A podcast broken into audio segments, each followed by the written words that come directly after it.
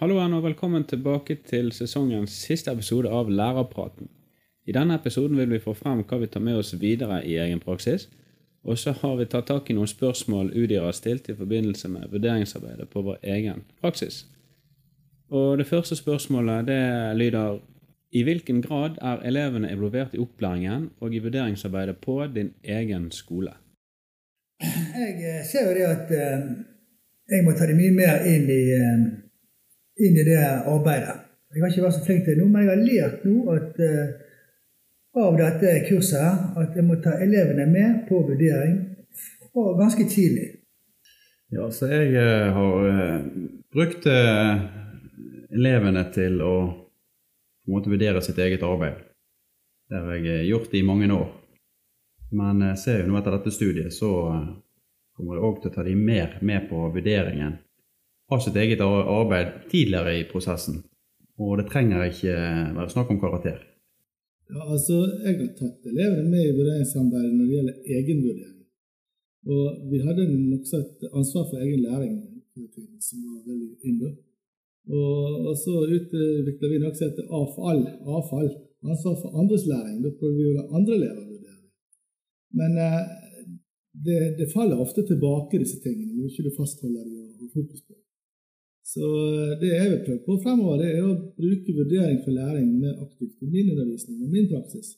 For å gjøre en bedre undervisning og gjøre det lettere for elevene å tilegne seg kunnskap. Ja, det er jeg helt enig i. Og det tenker jeg med meg òg. Jeg må være mer bevisst på å bruke den kunnskapen i min hverdag som lærer.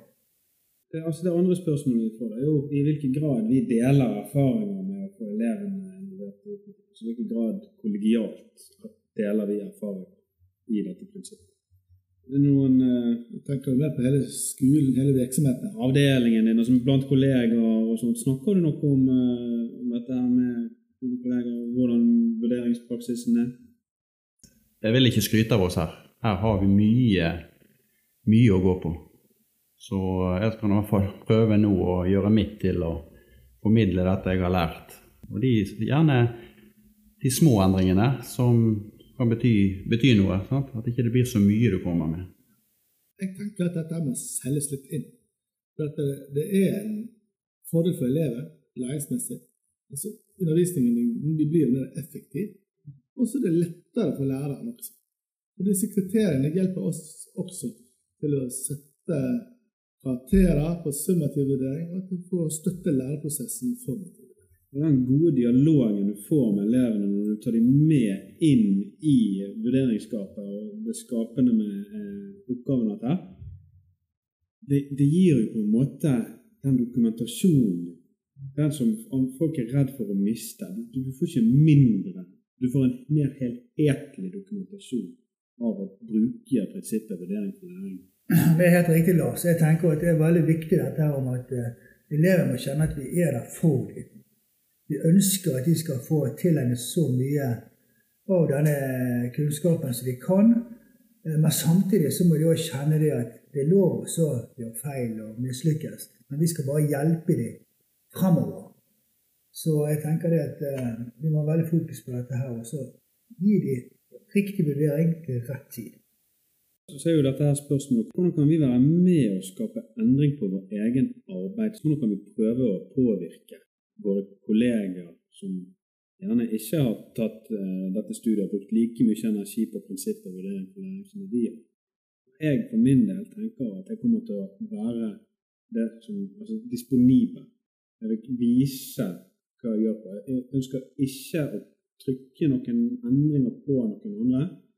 Men hvis noen fatter interesse for det som jeg holder på med nå, så ønsker jeg gjerne å vise mest mulig hva jeg kommer frem til. Og drive utviklingen videre på feltet. For dette feltet blir jeg aldri ferdig med. Vi er jo tre stykker her fra samme skole. Og det hadde vært fint om vi fikk en pedagogisk vind som blåste over virksomheten. Så da kunne vi jo bistå til å gjøre det. Men skolen går på banen. Ledelsen går på banen vurderingsledelsen må på banen. Og skolen har utviklingsmål for sin pedagogiske utvikling, men eh, det er om å gjøre å ha få mål, og så mål. Som pedagogisk plakat, årlig pedagogisk plakat. Men dette er jo en vind som blåser nå over skolen, sånn som jeg har forstått det. Jeg merker det nå på Sotra videregående.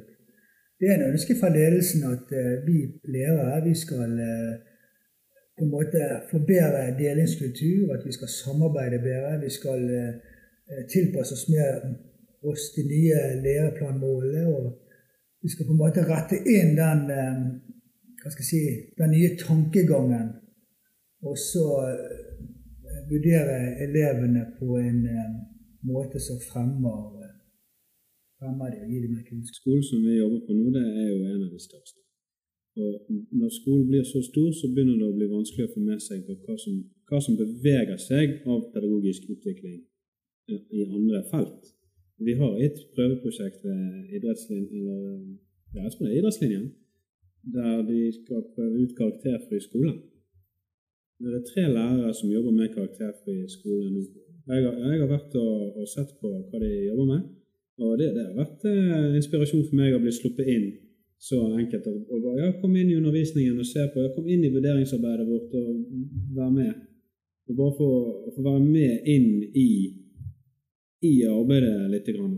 Det, den transparente metoden å vise og ta med inn gjør jo på en måte utviklingen litt mer avslappende enn å få det trykket på seg. Da er det jo nettopp kultur vi snakker om. Det, vi må få en kultur for, for, å dele og for å utvikle oss. Vi må ikke få vi må skape. Men altså Vi må jo være med og skape. Vi må jo ville dele. Ja, vi, alle, alle, må være delaktige i det. Men det er alltid noen som melder seg oss, for oss som har vært lenge i skolen, så har det jo vært mye endringer og mye nytt. og Kunnskapsløft og eh, ansvar for egen læring. Altså Det er begreper og ting som er kommet som har vært i vinden, og så dør det litt ut. Så altså På et tidspunkt så blir man litt lei alt dette her nye som kommer. Så Derfor tenker jeg det er viktig at man formidler dette så enkelt som mulig, og hva slags gevinst man har av det. Mm. Sånn at det kan være noe som mottakeren, den som hører på oss, eller det vi formidler, blir litt forelsket i det vi sier. Ja. Og Det tror jeg òg at eh, når andre elever ser det at vi bruker ikke så mye, kanskje, så mye prøver med karakterer andre vurderingsformer som ikke eventuelt består av tall og sånne ting, så vil det kanskje kanskje å endre tankegangen og se at det er andre måter å bedømme elevene på enn dette karaktersystemet. Nettopp. Andre måter å lage, skape vurdering på. Andre, andre, måter å fremme vurdering og lage vurdering og ta elevene med i vurdering. Tenker du, Hvis elevene er med og lager vurdering med deg, så gjør jo det faktisk jobben din lettere. Hvis eleven vet hva man skal jobbe mot, så gjør det jobben din lettere. Du trenger ikke gå rundt og påpeke alt hele tiden. og sitte karakterer fire ganger i halvåret er jo en, det er jo en vanvittig stor arbeidsmengde for lærere som har gjerne 70-80 elever. Sant? Da blir det jaggu med mange karakterer å sitte der. Det er vinn-vinn-situasjon.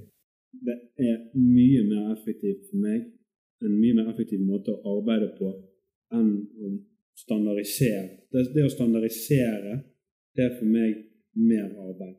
Det må du rettferdiggjøre standardiserte karakterer som kanskje ikke er tilpasset den eleven eller den oppgaven eller den måloppnåelsen. Kanskje hun har lært noe litt annet. So what? Det er jo bra. Han har jo utforsket en litt annen retning enn akkurat det du begrenset med å lage den standarden. Dere noe eh, så dere vet med dere videre? Hvis vi ser noe raskt på hva vi har lært i dette studiet, så er det jo det å ha elevene med i vurderingen, ha kriterier, og, og få elevene i dialog. Det er dialogbasert det er viktig her.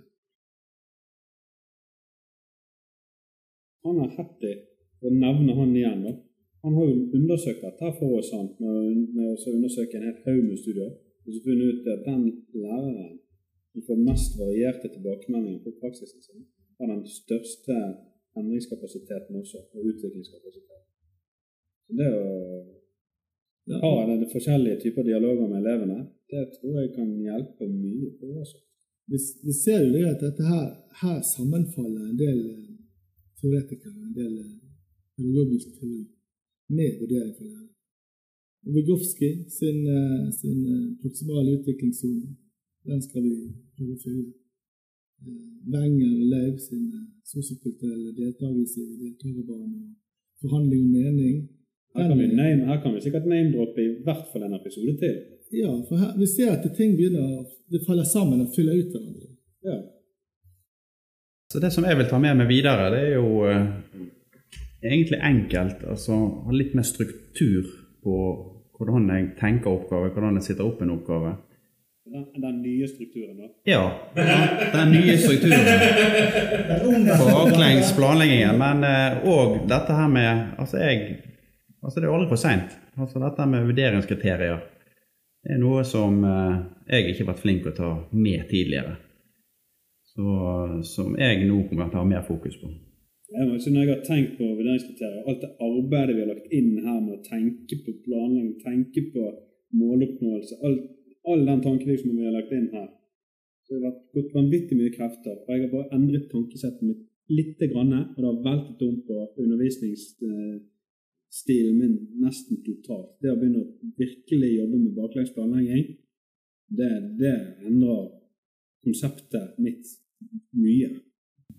Ja, ikke minst dette med også vurdering for læring, altså man veileder etter hvert. Og jeg, sånn som For min del så kommer jeg eh, nå videre fremover være helt bevisst på dette her, at jeg skal stadig eh, gi elevene nye sjanser, litt og litt lenger frem. Altså, jeg tenker alle skal med.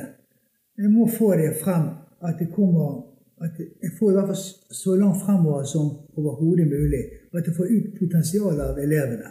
Og da må det være som du sier, at det må være i dialog eh, hele tiden med dem. Snakke med dem. De er med i prosessen, i vurderingsprosessen. Og så ikke bare sitter et stempel, karakteren er satt, nå går vi videre. Men at de får nye sjanser til å forbedre, eh, forbedre seg. Det egentlige her er jo å sette fokuset ifra summativvurdering til formativvurdering. Mm. Det, det er jo der store nøkkelen ligger.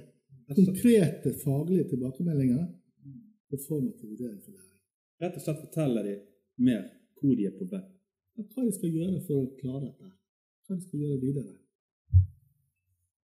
Og Da tror jeg vi har oppsummert uh, denne lille pilotsesongen. vi har svart uh, Udir på disse spørsmålene om eh, skolens vurderingsarbeid. Ja, og Spørsmålene i eh, eksamensoppgaven er vel svart på noenlunde. Noen han halvveis håper jeg. I hvert fall læringsutbyttet vårt. Skolen sin utvikling er vanskelig. Og eh, hvis dere vil eh, høre noe relevant teori og fagkunnskap på nytt igjen, så må dere spole tilbake igjen til episode 1 og 2. Ikke minst så er det faktisk rom for spørsmål imellom podkastene. Det er mer man vil. Det er jo ikke det. Etter Spotify ligger ute, så er det ferdig. Jeg skal ikke bli på kvelden. Vi oppgir nå telefonnummeret Lars. Du kan få ta kontakt i arbeidstiden. Du finner meg på verkstedet. Takk for oss.